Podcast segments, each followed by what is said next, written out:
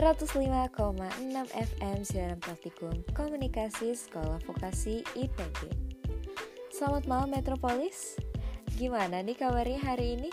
Semoga di mana pun kalian berada, kalian selalu dalam keadaan sehat ya Metropolis Senang banget Anissa di sini bisa kembali hadir menyapa Metropolis pada malam hari ini di mana lagi kalau bukan di After Midnight Radio. Let's chilling out, relaxing your depression dalam program Update. Ada apa di internet? Siaran praktikum Sekolah Vokasi IPB.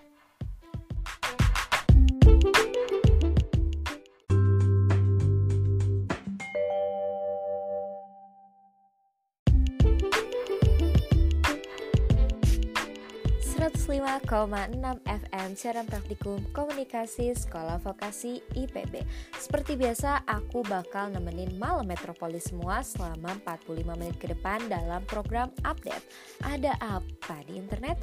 Edisi Sabtu 12 September 2020 Nah, kalian pasti penasaran kan dengan apa sih yang terjadi di tengah-tengah kita sekarang ini? Oke, untuk hintnya, Nisa bakal kasih hint nih buat kalian. Untuk pembahasan kita malam ini, yang pertama itu ada lini masa PSBB di ibu kota. Dan untuk pembahasan yang kedua ini, beritanya cukup kocak dan bikin geleng-geleng kepala. Kalian penasaran kan? Anissa bakal kupas tuntas semuanya. So stay tuned di After Midnight Radio. Oh ya dan buat kalian yang mau request lagu, kalian bisa langsung komen di Facebook fanpage-nya After Midnight dan nanti komen yang terpilih bakal aku setel lagunya. Oke, okay, let's chillin out, relaxing your depression.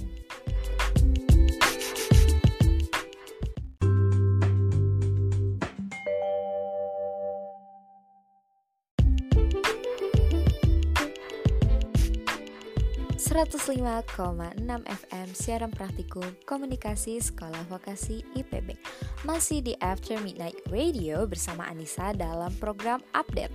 Ada apa di internet? Oke seperti yang aku bilang sebelumnya Aku bakal kupas tuntas apa sih yang terjadi sekarang ini.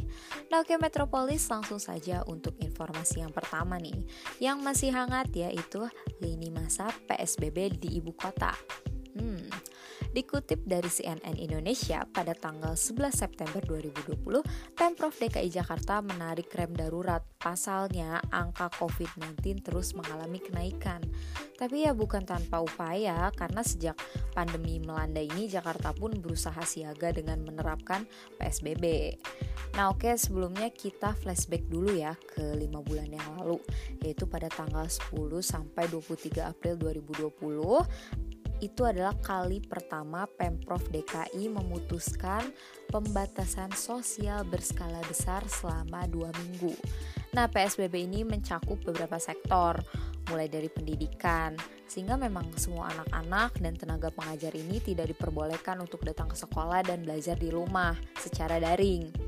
Selain pendidikan, ada juga dari sektor perkantoran. Nah, itulah ketika awal-awal semua orang diminta untuk bekerja di rumah ya atau WFH itu. Kemudian pembatasan pada sektor kegiatan di rumah ibadah, kemudian pada fasilitas umum dan juga sosial budaya. Jadi gak ada gitulah kongkow-kongkow, pergi ke mall ataupun pergi ke kafe makan-makan, ketemuan sama teman-teman. Ya itu pun juga harus dibatasi gitu. Dan sektor terakhir itu adalah transportasi.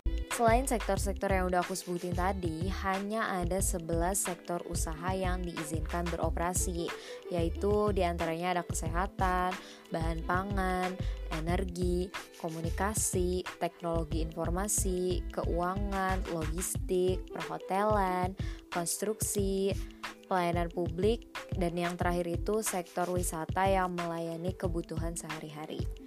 Dua minggu cukup? Ternyata tidak metropolis. PSBB ini kemudian ditambah lagi selama 14 hari. Karena memang kasus positif di ibu kota ini terus mencatatkan penambahan. Jadi PSBB ini diberlakukan kembali terhitung tanggal 24 April sampai 22 Mei 2020. Dari periode PSBB yang pertama tuh tanggal 10 April Kasus positif ini bertambah dua kali lipat. Lalu tidak berhenti sampai di situ, Pak Anies juga kembali memperpanjang PSBB atau yang kita sebut ini PSBB jilid 2 selama dua minggu terhitung dari tanggal 22 Mei sampai 4 Juni 2020.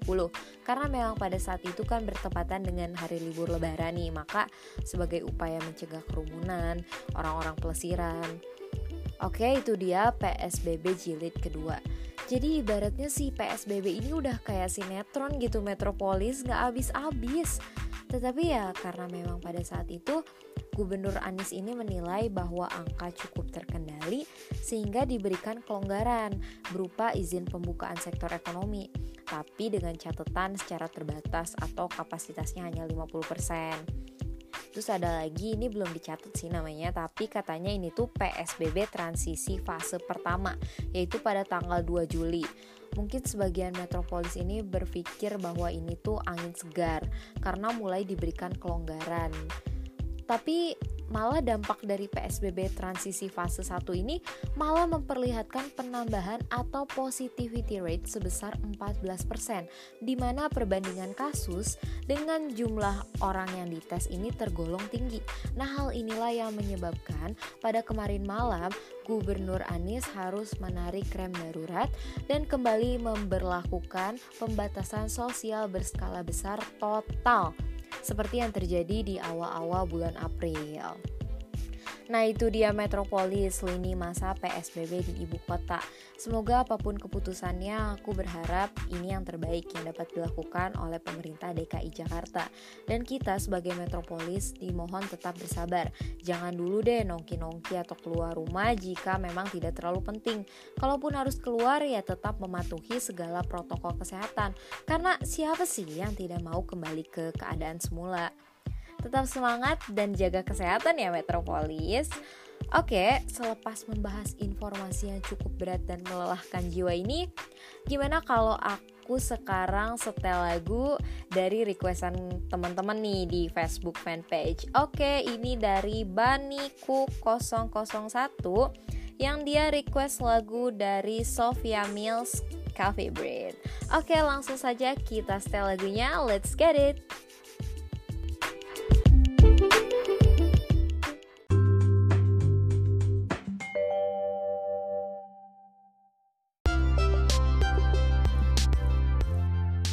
Metropolis. Malam hari gini waktunya sci-fi. Nikmati musik dan playlist nonstop. Mainkan lagu-lagu favoritmu sambil nyanyikan liriknya.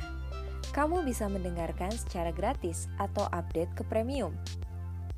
Dapatkan kualitas suara menakjubkan dan tanpa iklan. Mainkan lagu sesukamu, dengarkan tanpa koneksi internet, mainkan sekarang dengan sci-fi hanya 49.900 per bulan, kamu bisa menikmati semua layanan premium. Karena sci-fi punya yang kamu suka.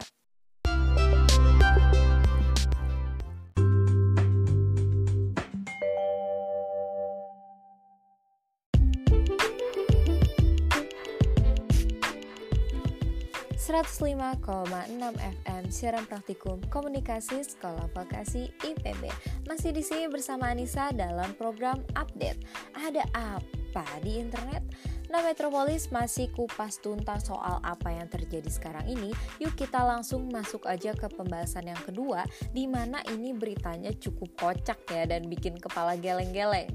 Karena baru-baru aja nih ada geger-geger dari sebuah kerajaan baru yang nggak ngerti kenapa ya ada lagi gitu yang seperti ini mungkin karena kemarin setelah Sunda Empire tenggelam dari bumi Indonesia ini satu dunia seperti mengalami situasi yang riuh gitu seperti sekarang Nah tapi tahu-tahu ada aja yang muncul lagi di mana sebuah kerajaan baru bernama Paguyuban Kandang Wesi. Hmm, tapi mohon maaf nih, ini namanya seperti nama grup arisan orang tua kita ya, pakai nama Paguyuban gitu. Nah, berita dari kerajaan atau paguyuban ini cukup menarik metropolis, yang mana kerajaan ini terletak di wilayah Garut ini berani mengubah lambang negara Pancasila. Waduh, metropolis pasti pada tahu kan lambang Garuda Pancasila yang seharusnya lehernya miring ke kiri menjadi diputar menghadap ke depan dan di atasnya juga seperti menggunakan mahkota gitu. Kalau menurut aku orang yang mengubah ini nyalinya cukup besar ya. Ya memang benar kan bahwa lambang yang ada di depannya itu tidak dirubah. Namun kan pada bagian bawah yang berada tulisan Bhinneka Tunggal Ika itu ternyata ditambah ada tulisan lagi yang berbunyi Sonata Legowo atau maksudnya adalah membantu masyarakat dengan cara sukarela dan legawa. Oke, mungkin di sini maksudnya membantu dengan sukarela. Tapi katanya sih para anggotanya harus membayar uang sebesar 100 sampai 400 ribu rupiah gitu dan ternyata paguyuban ini tuh mencetak uang versi mereka sendiri. Wah ini epic banget sih Karena kan yang pertama uang tersebut menampilkan foto dari ketua mereka Di semua pecahannya itu loh Jadi yang biasanya kita lihat di uang-uang rupiah itu kan masing-masing nominalnya itu beda-beda gambarnya kan beserta tokoh-tokoh pahlawannya. Nah tapi yang ini tuh beda metropolis, semua pecahan uang itu memakai foto ketuanya itu. Nah tapi ternyata belum sampai di situ, uang-uang itu juga ternyata dicetak menggunakan kertas HVS biasa dan dicetak dengan tinta printer biasa juga. Dan paguyuban ini juga mengklaim kalau harta mereka tuh meliputi hampir dari seluruh aset kekayaan Indonesia sampai ada sertifikatnya coba metropolis. Nah isinya katanya mereka itu punya emas yang rata-rata beratnya itu 175.000 kilogram udah gitu banyak lagi katanya gimana tuh gedenya aku aja nggak bisa bayangin jadi semua ini bisa heboh dan ketahuan karena kerajaan baru ini awalnya semacam mengajukan permohonan untuk izin pendirian ormas atas nama Paguyuban Kandang Wesi. Tunggarahayu. Jadi paguyuban ini pada awalnya bilang mereka itu ormas ya atau kelompok. Tetapi saat mereka memberikan proposal itu kok ada pakai lambang Garuda yang sudah dirubah kepalanya kan menjadi menghadap ke depan. Yang mana dari kasus viral yang kemarin aja banyak kan kejadian seperti mengganti lagu Indonesia Raya foto-foto sembarangan pakai bendera merah putih itu kan tidak boleh. Nah tapi kok ini dengan berani-beraninya gitu merimek lambang Garuda Indonesia? Makalah dari situlah langsung dicari tahu ini sebenarnya paguyuban apa sih? Nah tapi kan katanya sekarang ketua dari paguyuban ini udah menghilang, nggak tahu dia kabur ke mana. Ada-ada aja ya. Oke, okay, next kita masuk ke berita viral selanjutnya di mana di Twitter lagi heboh nih kemarin sama anaknya Pak Presiden yaitu Mas Kaisang. Jadi Mas Kaisang ini kan memang orangnya suka iseng ya. Jadi kemarin dia itu sempat ngechat beberapa online shop yang memang bodong gitu atau yang suka tipu-tipu. Nah ceritanya untuk order barang di Instagram kan memang ada beberapa all shop yang suka tipu-tipu itu kan ya. Padahal kan kalau dilihat dari followersnya itu banyak dan foto-fotonya juga meyakinkan gitu. Tapi pas ditransfer eh malah menghilang. Apalagi banyak tuh kan yang jual ala-ala HP black market atau yang akunya tuh dari Batam, Singapura dengan harga miring. Tapi nyatanya masih banyak aja yang ketipu sama all shop tersebut. Makanya nih kemarin lucunya beberapa all shop ini dicat sama Mas Kaisang dan beneran ada yang sampai ia transfer juga. Tapi pas si penipu itu tahu nama yang transfernya siapa ya langsung ciut lah dia. Mungkin kalau aku yang jadi penipunya udah langsung panas dingin gemeter parlo aja duh. Duh nasib ini gimana ya? Padahal kan udah beberapa kali di dalam chatnya seperti biasa memberi form pembelian dulu untuk nama lengkap, alamat, dan nomor telepon gitu. Sudah jelas kan bahwa nama Mas Kaisang ini tertulis gitu di situ dan alamatnya juga alamat istana kepresidenan. Masih aja coba berani diladenin. Mungkin dikiranya cuma roleplay aja kali ya ini jadi Mas Kaisang. Tapi lagi-lagi pas beneran ditransfer melihat nama pengirimnya Kaisang, apa gak kicep dia minta ampun. Terus ya notesnya juga itu diisi, saya tahu kamu di mana loh. Banyak banget habis itu langsung diblok sampai ada yang langsung mohon-mohon minta maaf lagian ada-ada aja sih itu penipu segala jualan daster juga masih aja nipu jadi kapok kan kalau udah gitu. Nah oke okay nih, satu lagi. Aku lupa, aku mau ngucapin selamat buat BTS Yang berhasil menorehkan prestasi di single terbarunya Yaitu menduduki posisi nomor satu Billboard Hot 100 selama dua minggu berturut-turut. Penasaran kan gimana lagunya? Sampai bisa sefenomenal itu. Oke langsung aja kita putar BTS Dynamite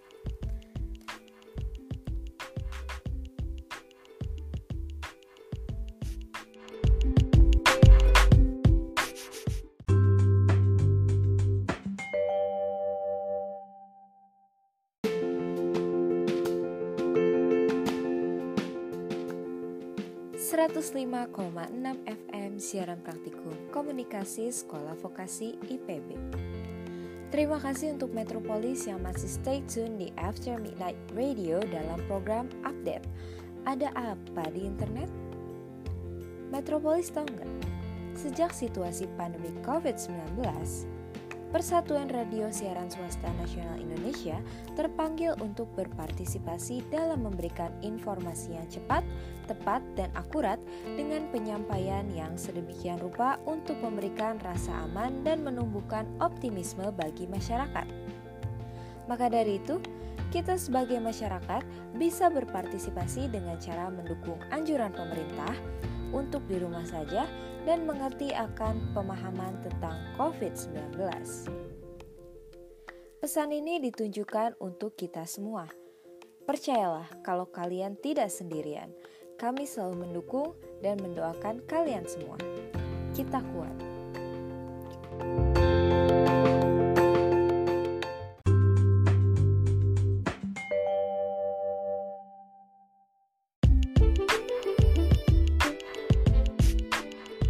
105,6 FM siaran praktikum komunikasi sekolah vokasi IPB.